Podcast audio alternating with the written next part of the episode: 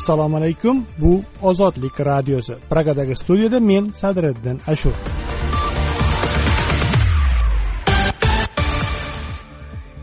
Ozodlikning bugungi dasturida tarmoqlar va diniy siyosat adliya vaziri jamiyatdagi bo'linishlardan ogohlantirdi. Pinakka ketgan tashqi ishlar vazirligi uznet lukashenkoning navbatdagi bayonoti haqida. Mtrkdagi korrupsiya haqida gapirganim uchun o'n bir yildan beri sarsonman. Taniqli o'zbek jurnalisti saodat omonova. Lekin mana men qamalmaganman nima qilmaganman men nima qilgan ekanman ayol boshim bilan? Men nima qilishim kerak endi? Dasturimizda xalqaro hayot va mintaqa xabarlari ham o'rin olgan bu ozodlik radiosi. Ozodlikda xabarlar kunning muhim yangiliklari bilan mikrofon oldida men sadriddin ashur alisher usmonov prezident kuyoviga tegishli bo'lgan kapital bankning to'laqonli egasiga aylandi. Rossiyalik o'zbek milliarderi alisher usmonovga qarashli telekom investning shu'ba korxonasi bo'lgan finans tci sakkizinchi fevral kuni kapital bankning yana uch yuzdan sakson bir foiz aksiyasini sotib oldi. Toshkent fond birjasi ma'lumotida qayd etilishicha bu bilan alisher usmonovga qarashli shirkatlar kapital bankning oltmish bir yuzdan ellik to'rt foiziga egalik qilmoqda. Yigirma birinchi yanvar kuni kooperativ ma'lumotlar yagona yagona portali o'zbekiston prezidenti shavkat mirziyoyevning to'ng'ich kuyovi oybek tursunov kapital bankning afillangan shaxslar ro'yxatidan chiqarilgani haqida bildirgan edi. Oybek tursunov o'tgan yil oktyabrdan buyon kapital bankning ellik foiz aksiyalariga egalik qilib kelayotgandi.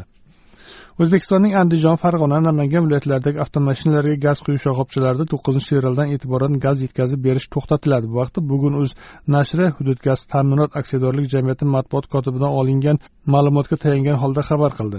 Hudud gaz ta'minot vakili zapravkalarda gaz yetkazib berish chorshanba kuni soat o'n uchdan keyin to'xtatilishini bildirgan. Biroq ta'minot qachon tiklanishiga aniqlik kiritolgan emas.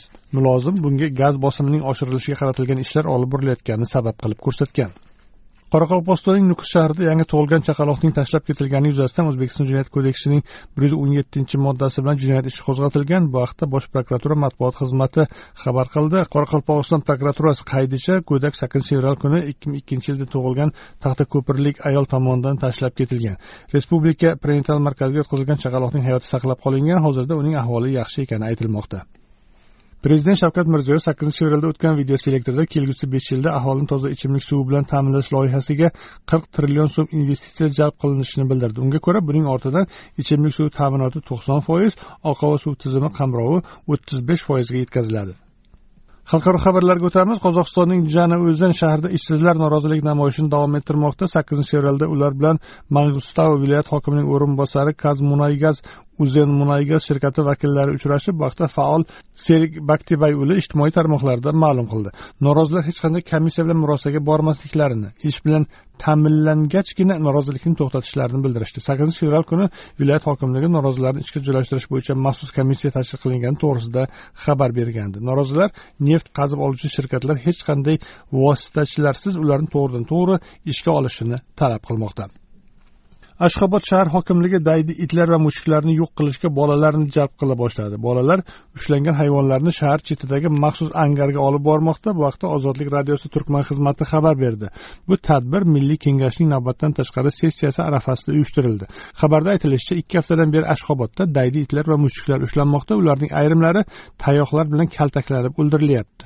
Bunga qadar bu ishni qurilishda ishlayotganlar amalga oshirayotgan edi. Ozodlik radiosi turkman xizmatiga intervyu bergan guvohlardan biri ushlangan yoki o'ldirilgan har bitta daydi hayvon uchun bolalarga besh manatdan taxminan uch dollar haq berilayotganini aytdi. Bunga qiziqqan bolalar qop va tayoq ko'tarib ashxobod ko'chalarini kezib yuribdi. Ozodlik manbasining aytishicha angarga qamalgan it va mushuklar ochlikdan o'lmoqda. Bu yerga hayvonlarni himoya qiluvchi faollar kiritilmayapti. Dosh telekanali rossiya tergov qo'mitasida nafrat yoki adovat qo'zg'atishga doir modda bo'yicha checheniston rahbari ramzan qodirovga qarshi jinoyat ishi ochishni talab qildi. Telekanal o'z arizasida qodirovning birinchi fevral kuni vkontakte tarmog'ida yoyinlangan video murojaatiga havola bergan. Unda checheniston rahbari dosh telekanalini novaya gazeta va uning jurnalisti yelena milashinani hamda huquqbon igor kalyapinni terrorchilar va terrorchilarning gumashchilari deb atab ularni javobgarlikka tortish kerakligini aytgan. Qodirovga qarshi jinoyat ishi qo'zg'atishni novaya gazeta ham talab qilgan yelena milashina o'ziga nisbatan tahdidlardan so'ng rossiyani tark etgan edi. xabarlar bilan tanishdingiz. Boshqa yangiliklar ozodlik nuqta org saytida. Dasturlarimizni ozodlik nuqta org sayti ozodlikning youtubedagi sahifasi android va apple telefonlari uchun ishlangan ilovalarimizda onlayn tinglashingiz mumkin. O'zbekiston va dunyo yangiliklarini ozodlikda kuzating.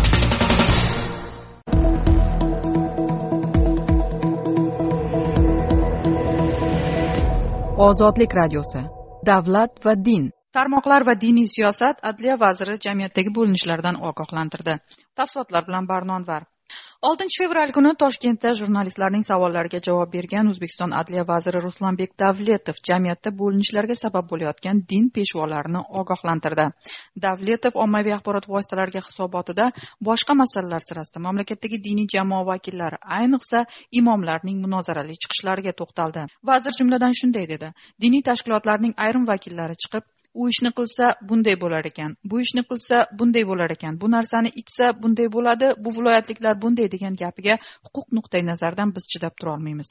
Chunki bu birinchidan jamiyatimizning bo'linishiga olib kelyapti ikkinchidan diniy tashkilotlarning bunday ixtilof qilishga haqqi yo'q dedi ruslanbek davletov vazirning bayonoti ijtimoiy tarmoqlarda din peshvolari va jamoat faollari orasida munozara taranglashayotgan bir pallada yangradi. So'nggi yirik mojarolardan biri toshkent viloyati zangiota tumani fath jome masjidi imom noibi vazifasida ishlab kelgan solixon domla solixon ortiqxo'jayev bilan sodir bo'ldi. Ijtimoiy tarmoqlardagi chiqishlardan birida domla shariatda taqiqlangan ichkilik ichish bilan mashg'ul kishilarni tanqid qilar ekan xorazm viloyati aholisini alohida tilga oldi. Imomning bir viloyat ahlini umumlashtirib qoralashi tarmoqlarda keskin norozilik norozilikka sabab bo'ldi. Ulamoni bu chiqishi uchun javobgarlikka tortish talablari yangray boshladi. Noroziliklar ortidan o'zbekiston musulmonlari diniy idorasi imomni vazifadan chetlatdi. Bunga qadar farg'ona viloyati toshloq tumanidagi bosh imom xatibning ayollarga nisbatan haqoratli deya tanqid qilingan chiqishi e'tirozlarga sabab bo'ldi. Imom uyda qarovsiz o'tirgan ayollarni o'ziga qaramaydigan rasvo deb atadi va qarovsizligi uchun ayollarning o'zini aybladi. Ayrim tarmoq foydalanuvchilari ayolni bu holga solgan erkaklar ekanini aytib imomga chora ko'rishni talab qilishdi. Ismini ochiqlamagan farg'onalik jurnalistlardan biri adliya vazirining bunday ogohlantiruvi o'rinli bo'ldi deb hisoblaydi. Ayrim imomlarning bu kabi keskin chiqishlari keyingi paytlarda ko'p uchrayapti. Nafaqat dunyoviy qonunlarda hatto islomda ham imom yoki diniy soha mutasaddisi kimgadir yoki qayergadir ido qilayotganda ommatan tanqid qilish qoralanadi chunki bu fitnaga sabab bo'lishi mumkin. Bunaqa keskinlikni vazir emas o'zini hurmat qilgan oddiy ziyoli qatlam ham hazm qilolmayotgandi deydi jurnalist. O'zbekistonda keyingi yillarda diniy erkinliklarning kengayganini e'tirof etgan jurnalistning so'zlariga ko'ra tarmoqlarda diniy kontentni huquqiy nuqtai nazardan tahlil qilishga ehtiyoj ortgan. Bunaqa ma'ruzalarni o'z tafakkuri bilan sintez qiladigan tahlillab o'ziga keragini olib kerakmasini tashlab yuboradiganlar emas asosan to'g'ridan to'g'ri qabul qiladigan yoshlar eshityapti deydi jurnalist. Ikkinchi fevral kuni o'zbekiston prezidentining jamoat va diniy tashkilotlar bilan hamkorlik masalalari bo'yicha maslahatchisi shuazim minovarov lavozimidan chetlatildi. U ham ijtimoiy tarmoqda posti ortidan ishdan olingani aytilmoqda. Endilikda islom sivilizatsiyasi markazi rahbari sifatida faoliyatini davom ettirishi aytilgan minovarov avvalroq facebook tarmog'idagi chiqishida shariat bilan boshqariladigan islom davlatini orzu qiladiganlarni qoraladi. Taassuf dedi shozim minovarov. Shu mamlakatning nonini yeb suvini ichib shariat bilan boshqariladigan islom davlati orzusida yurganlar to'g'risida eshitsam xafa bo'lib ketaman. Iroqda suriyada qo'shni davlatda nima bo'lganini ko'rib bilib turib nahotki ana shunday tuzumni orzu qilsalar deb yozdi facebookdagi chiqishida shozim minovarov. Tarmoq foydalanuvchilarning bir qismi prezident maslahatchisining chiqishini haddidan oshgan diniy qatlamga ogohlik signali deb talqin qilgan bo'lsa boshqalar tomonidan dinga sovetcha yondashuv degan tanqidlar tilga olindi. Tahlilchi sardor salimga ko'ra minovarovning bahsli posti o'zbekistondagi hukmron sekulyar elita nafaqat hozirgi o'zbek jamiyati nima bilan yashayotgani balki dunyodagi trend va tendensiyalardan ham bexabarligini namoyon qilgan. O'zbekiston siyosat. Pinakka ketgan tashqi ishlar vazirligi o'znet lukashenkoning navbatdagi bayonoti haqida mavzu tafsilotlari bilan men usmon Nazar. Belarus prezidenti aleksandr lukashenko kremlning yalovbardor propagandachisi deb ta'riflanadigan vladimir solovyov bilan suhbatda mdh davlatlari jumladan o'zbekiston suverenitetini savol ostida qoldiruvchi ittifoq tuzilishidan bahs etdi ushbu faraz tusmolga ko'ra rossiya va belarus ishtirokidagi ittifoqqa 15 yil ichida qozog'iston ukraina armaniston turkmaniston tojikiston va o'zbekiston ham qo'shiladi yagona armiya tuzilib umumiy pul birligi joriy etiladi g'arb allaqachon davlat rahbari o'laroq tan olmay qo'ygan lukashenkoning bahsli nizoli bayonoti ijtimoiy tarmoqning o'zbek segmentida yana bir dolg'ani keltirib chiqardi. Huquqshunos va bloger xushnudbek xudoyberdiyev ikki suhbatdoshni mahalla boshida o'tirib olib o'tgan ketganni muhokama qilib o'tiradigan laqma kampirlarga o'xshatdi. Aha yoqmay qolsin.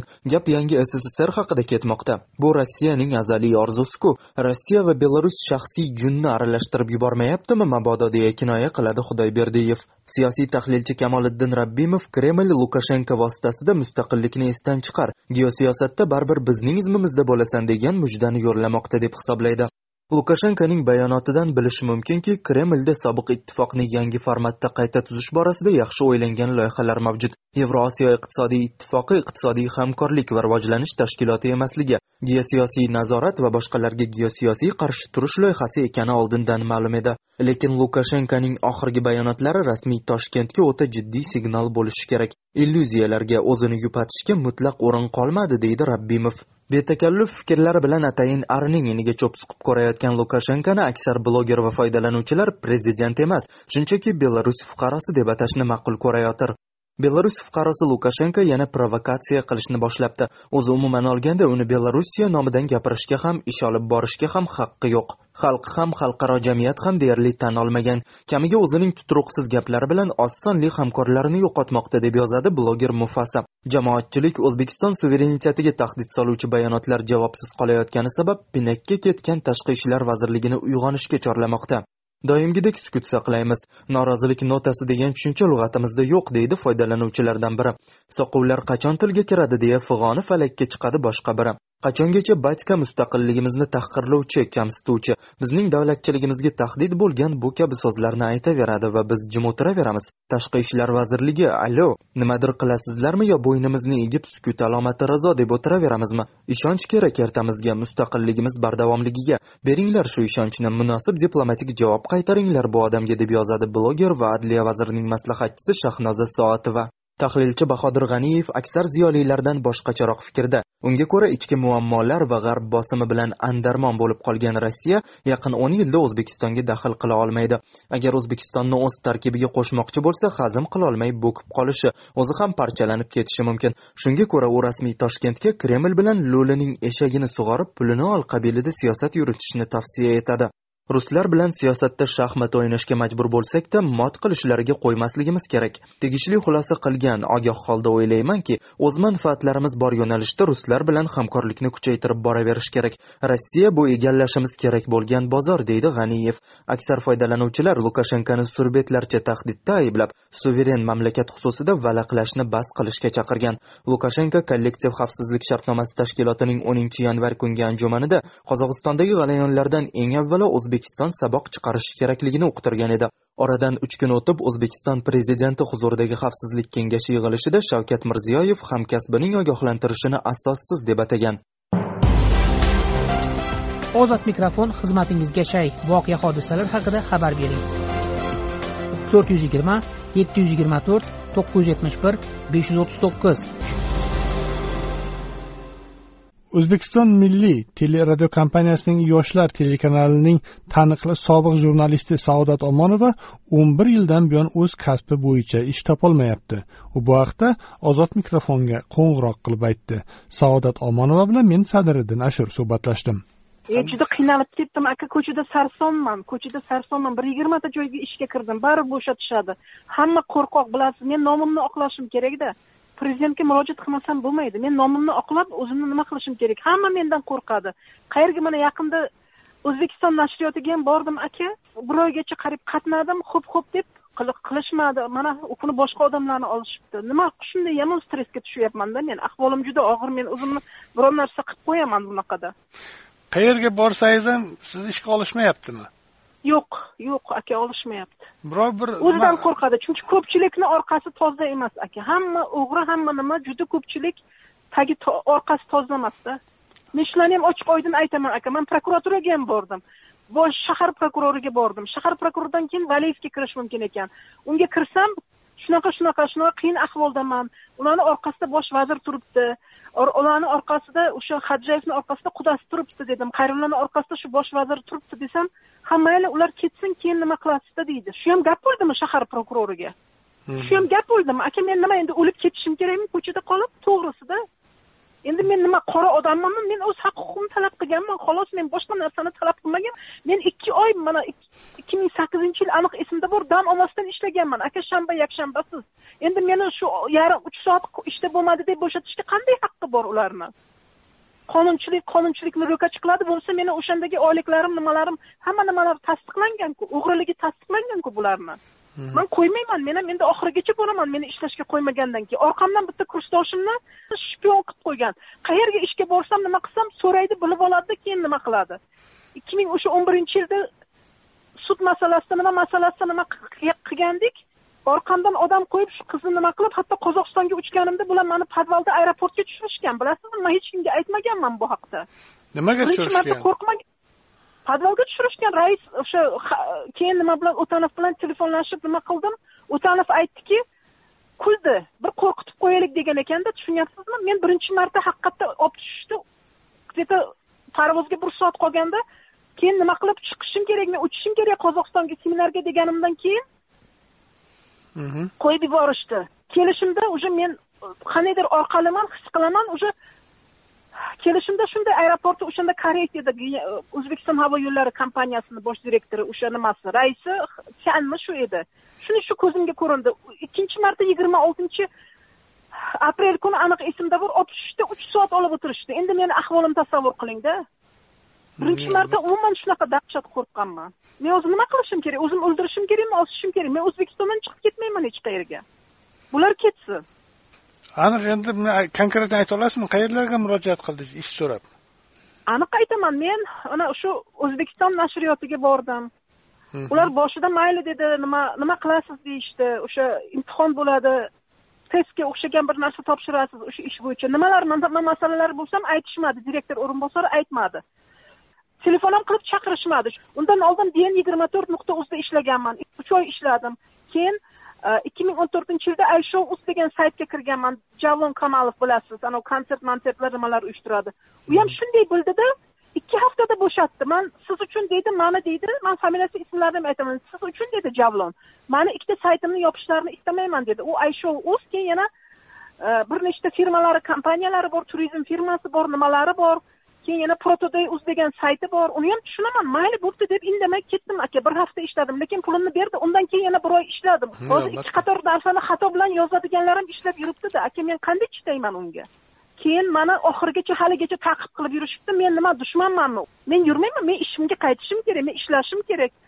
Menga ishonch bildirishgan vaqtida shu ishda ishlaganman uddalaganman. Karimovni yonida yurib endi men nima bo'lib qoldimmi? Hammani aybi bor. Hech kim farishta emas lekin mana men qamalmaganman nima qilmaganman qamalganlar kelib ishlab turibdi hamza jumayev. Xayrulla hamidovni qaytarib nima qilib ishga olishdi? Men nima qilgan ekanman ayol boshim bilan? Men nima qilishim kerak endi? Deydi saodat omonova. O'zbekiston milliy teleradio kompaniyasida o'n ikki yil faoliyat yuritgan saodat omonova hamkasbi malohat eshonqulova bilan televideniyadagi qonunbuzarliklar mahalliychilik va senzuraga chek qo'yilishini talab qilib ikki ming o'ninchi yilning oltinchi dekabr kuni toshkentning markaziy maydonida piket o'tkazgandan keyin to'qqizinchi dekabr kuni ishdan haydalgan edi. Ozod mikrofon tinglovchilarimizga o'z fikrini erkin ifodalashi uchun berilgan bir imkoniyatdir. Ozod mikrofon ruknida berilgan fikrlar uchun ozodlik radiosi tahririyati mas'ul emas.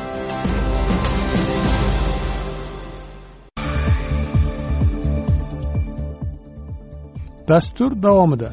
Tojikistonda bu yil pensiyalar oshmaydi. Pensionerlar qanday kun kechirishyapti? Pekinda olimpiya mash'alasini uyg'ur sportchi yoqdi. Bu nimani anglatadi? Internetda prezidentni haqorat qilgan xorazmlik bloger uch yilga qamaldi. Dasturimizning ikkinchi qismidan esa o'zbekistonlik jurnalist abdurahmon tashanovning ozod nazarini tinglaysiz. Bloger qamaldi. Imomlar yana ogohlantirildi. Bu ozodlik radiosi.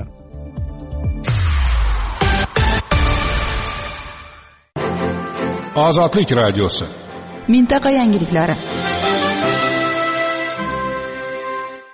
Tojikistonda bu yil pensiyalar oshmaydi. Pensionerlar qanday kun kechirishyapti?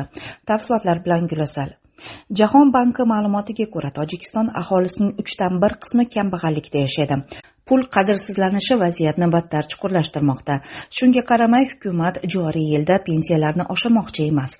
Faqat chin yetimlar va otasiz yoki onasiz bolalarning nafaqa pullarigina oshirilmoqda. Shu tariqa chin yetimlarning nafaqasi jami yigirma dollarni otasiz yoki onasiz bolalar nafaqasi esa salkam o'n uch dollarni tashkil qiladi.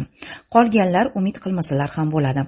Tojikiston ijtimoiy sug'urta va pensiyalar agentligi barcha ijtimoiy to'lovlarni oshirish uchun byudjetda pul yo'qligini aytdi. Qorasoch mavlonova oyiga yigirma sakkiz dollarga teng miqdorda pensiya oladi. Bu faqat un va kartoshka sotib olishga yetadi xolos. Holbuki oltmish olti yoshli pensioner ayol olti jonni shu jumladan bir necha bolani boqishi kerak. Erim saraton kasalidan o'lgan. O'g'lim ko'p yillar burun rossiyaga ishga ketib o'sha yoqda o'ldi. Qizimning turmushi buzilgan eri dom daraksiz ketgan. Uch farzandi bor ularni yedirib ichirish kerak. Men bo'lsam atigi uch yuz somoniy pensiya olaman. O'g'limning uch farzandini mehribonlik uyiga topshirishga majbur bo'ldim deydi mavlonova. Ayol jon deb ishlagan bo'lardi ammo pensionerni doimiy ishga qabul qilishni hech kim xohlamayapti. Qora soch va qizi mayda chuyda ishlarni bajarib biroz pul ishlashadi. Ba'zan xayriya tashkilotlari yordam beradi. Qorasoch bu yil pensiyasi oshishiga umid qilgandi. Uch to'rt somoniy qo'shib berishsa ham bir koriga yaragan bo'lar edi. Biroq hukumat bu yil pensiyalar miqdori o'zgarmasligini aytdi. Qorasochning nabiralari otasiz o'sishayotgani sababli davlatdan nafaqa olishga qonunan haqli. Ammo ayolning shaxsiy uyi va propiskasi bo'lmagani uchun hujjatlarni rasmiylashtira olishmayapti. Shu muammoni hal qilganida edi uch bolaning har biri uchun oyiga qariyb o'n uch dollardan pul olgan bo'lishardi. Mamlakat bo'yicha bir ming yetti yuz oltmish uch nafar chin yetim va oltmish ikki mingdan ortiq otasiz yoki onasiz bolalar bor. Bu ikki toifa uchun nafaqalar chorak hissaga oshdi ammo boshqa toifalarning ijtimoiy to'lovlarni oshirishning imkoni bo'lmadi deydi tojikiston pensiyalar agentligi direktori dilmurod davlatzoda. Iqtisodchi nuriddin qayyumov aytishicha tojikistonda o'rtacha pensiya yigirma sakkiz dollarni tashkil qiladi. Bu pulga kun kechirib bo'lmaydi albatta. Ammo pensiyalarni loaqal minimal mantiqiy ko'rsatkichga yetkazish uchun davlat byudjetida mablag' yo'q. Yaqin orada bo'lishi ham dargumon. Tojikistonda aksari keksalar chetda mehnat migratsiyasida yurgan bolalari va nabiralari jo'natib turadigan pulga kun kechirishadi. Bizda hatto akademik va olimlarning oyligi ham yetmaydi. Siz bo'lsa oyiga ikki yuz somoniy pensiyani so'raysiz a bu pulga nari borsa yarim qop un beradi xolos. Bozordagi narx navo bilan bilan ijtimoiy to'lovlar miqdori o'rtasida kattakon jarlik hosil bo'lgan deydi qayyumov. Tojikistonda pensiya islohoti o'tkazish haqida hozircha gap so'z yo'q. Shuningdek pensionerlarning moddiy ahvolini yaxshilash yoki fuqarolarning ushbu toifalari uchun imtiyozlar joriy etish bo'yicha davlat dasturlari qabul qilinishi ham kutilmayapti. Ozodlik radiosi instagram tarmog'ida. Kundalik xabarlar audio video lavhalarimizni kuzatishingiz do'stlaringiz bilan osongina ulashishingiz mumkin. Lotinda ozodlik radiosi deb qidiring.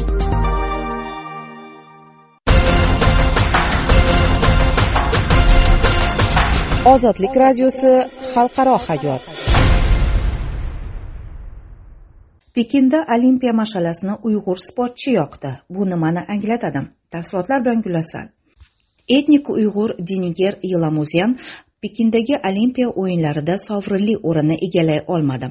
Ayollar o'rtasidagi o'ttiz kilometrli skiatlon musobaqasida u maraga qirq uchinchi bo'lib yetib keldi. Shunga qaramay diniger o'yinlardagi eng ko'p tilga tushgan sportchilardan biri bo'lib turibdi. Chunki xitoy unga olimpiya mash'alasini yoqish imkonini berdi. Xalqaro tashkilotlar va huquq faollari dinigerning qishki olimpiada ochilish marosimida ishtirok etishini xitoyning g'arazli xatti harakati deb atashmoqda. Pekindagi olimpiya o'yinlari xitoyning shinjon viloyatida musulmon musulmon diniga e'tiqod qiluvchi etnik ozchil xalqlar kamsitilayotgani haqidagi bayonotlar va xitoy hukumati mamlakatdagi inson huquqlari bilan bog'liq vaziyat tufayli g'arb tarafidan tobora keskinroq tanqid qilinayotgani manzarasida o'tkazilmoqda. Avvalroq qo'shma shtatlar buyuk britaniya kanada estoniya yaponiya va avstraliya qishki olimpiya o'yinlariga diplomatik boykot e'lon qilib pekinga rasmiy delegatsiya yo'llashdan bosh tortgan edi. To'rtinchi fevral kuni o'yinlarning ochilishiga bag'ishlangan marosimda olimpiada mash'alasini yoqishdek sharafli vazifa uyg'ur sportchi qizi diniger yilamudyan hamda han millatiga mansub chang'ichi chirao dzeyevinyuga topshirildi. Odatda olimpiya mash'alasini dunyo taniydigan sportchilar chempionlar va mashhurlar yoqishadi. Xitoy esa bu missiyani olimpiya o'yinlarida ilk bor ishtirok etayotgan uyg'ur chang'ichisiga topshirdi. Shinjon yerli musulmon aholisining huquqlari uchun kurashayotgan. Jahon uyg'ur kongressi xitoy ma'murlari yigirma yoshli diniger yilamuzyanni tanlagani siyosiy propaganda ekanligini aytdi. Xitoy olimpiya o'yinlarini siyosiylashtirmoqda. Biz bu haqda xalqaro olimpiya qo'mitasini ogohlantirgan edik. Ammo bu tashkilot bizga quloq tutishni istamayapti. Uyg'urlarga qarshi genotsid davom etayotgan paytda uyg'ur sportchisidan bu yo'sin foydalanish o'ta ketgan andishasizlikdir. Xitoy hukumati bu bilan mujda beryapti. Siz bizning qo'limizdasiz. Sizni istagan ko'yimizga solamiz va buning uchun hech qachon javobgar bo'lmaymiz demoqchi deydi jahon uyg'ur kongressi vakili zumritay arkin guardian nashriga bergan izohida. Xong kong universiteti professori su gyuti wall street journal nashri bilan muloqotda xitoy hukumati ongli ravishda uyg'ur sportchisini mash'albardor qilib tanlaganini aytadi. Uyg'ur sportchisini tanlash bilan xitoy dunyoga sizlarning barcha gaplaringiz yolg'on demoqchi bo'lyapti deydi u. uyg'urlarni majburan ishlatishga barham berish koalitsiyasi a'zosi bennet friman xitoy rasmiylarining ochilish marosimidagi xatti harakatini surbetlarcha masxaralash deb atadi. Saymon freyzer universiteti xalqaro tadqiqotlar kafedrasi dotsenti darren beyler associated press agentligiga bergan izohida bu juda puxta o'ylangan tanlov bo'lganini aytdi. Biz buni xitoyning shinjonda qilayotgan ishlarimizdan voz kechmaymiz. Dunyo bu haqda nima deb o'ylasa o'ylayversin degan mazmundagi bayonoti o'laroq qabul qilishimiz mumkin dedi ekspert. Beshinchi fevral kuni pekindagi brifingda xalqaro olimpiya qo'mitasining rasmiy vakili mark adams uyg'ur sportchisi haqidagi savolga javob berar ekan. Mash'al bardorni tanlashda uning etnik mansubiyatiga ahamiyat berilmasligini aytdi. U olimpiadada ishtirok etayotgan sportchi va u etnik kelib chiqishidan qat'iy nazar olimpiya o'yinlarida va ochilish marosimida qatnashishga tamoman haqli dedi xalqaro olimpiya qo'mitasi vakili. Xalqaro tashkilotlarning tanqidlari manzarasida xitoyning turli mamlakatlardagi elchilari rasmiylari va hukumatparast ommaviy axborot vositalari mash'alani yoqish imkoniyati uyg'ur sportchisiga berilgani uchun pekinni zo'r berib maqtashmoqda. Chunonchi xitoyning tanzaniyadagi bosh konsuli jan jishen twitterdagi sahifasida diniger yilamudyanni oilasi marosimni qattiq hayajon bilan tomosha qilayotgani aks etgan videoni yoyinladi xitoyning kubadagi elchisi amp ma huey esa twitterda diniger yilamudyanning onasi qiziga omad tilayotgani haqidagi videoni e'lon qildi. Rolikda sportchining onasi oilang mamlakating sen bilan faxrlanadi deydi. Xitoy kommunistik partiyasining global times gazetasi olimpiya o'yinlari ochilish marosimiga bag'ishlangan maqolada uyg'ur sportchisi haqida yozgan g'arb va aqsh ommaviy axborot vositalarini sayoz fikrlashda ayblab chiqdi. Olimpiada mash'alasini yoqish sportchilarning bir umrlik orzusidir. Ayrim amerika ommaviy axborot vositalari mantig'iga ko'ra xitoy sportchi qizning bir umrlik orzusini ro'yobga chiqarishga majburlagan bo'lib chiqyapti. Bundanda tuturuqsiz mantiq bo'ladimi? deb yozgan kompartiya nashri to'rtinchi fevral pekin olimpiadasi ochilgan kun dunyoning qator shaharlarida o'yinlarga qarshi chiqishlar o'tkazildi. Turkiyaning istanbulida kanadaning torontosida va chexiya poytaxti pragada norozilik aksiyalariga chiqqan odamlar o'yinlar genotsid olimpiadasi deb atab musobaqalarni boykot qilishga tomoshabinlarni esa o'yinlarni ko'rmaslikka chaqirishdi. Birlashgan millatlar tashkiloti ma'lumotiga ko'ra xitoy million nafarga yaqin uyg'ur qozoq va boshqa musulmonlar ularni shinjondagi siyosiy jamloqlarga qamagan. Xalqaro tadqiqotchilar xitoy shinjondagi musulmonlarni majburiy mehnatga jalb etayotganini va ularning tug'ilishini nazorat qilayotganini aniqlashgan. Xitoy hukumati o'zining shinjondagi siyosatini terrorizmga qarshi kurash jamloqlarni esa kasb hunar o'rnatish markazlari deya iddao qilib keladi. Pekin birlashgan millatlar tashkiloti ekspertlari va huquq himoyachilarini shinjonga kiritmayapti. Ozodlik whatsapp va telegramda. Plyus to'rt yuz yigirma yetti yuz yigirma to'rt to'qqiz yuz yetmish bir besh yuz o'ttiz to'qqiz. Plyus to'rt yuz yigirma olti yuz ikki olti yuz o'n ikki yetti yuz o'n uch. Marhamat bizga bog'laning.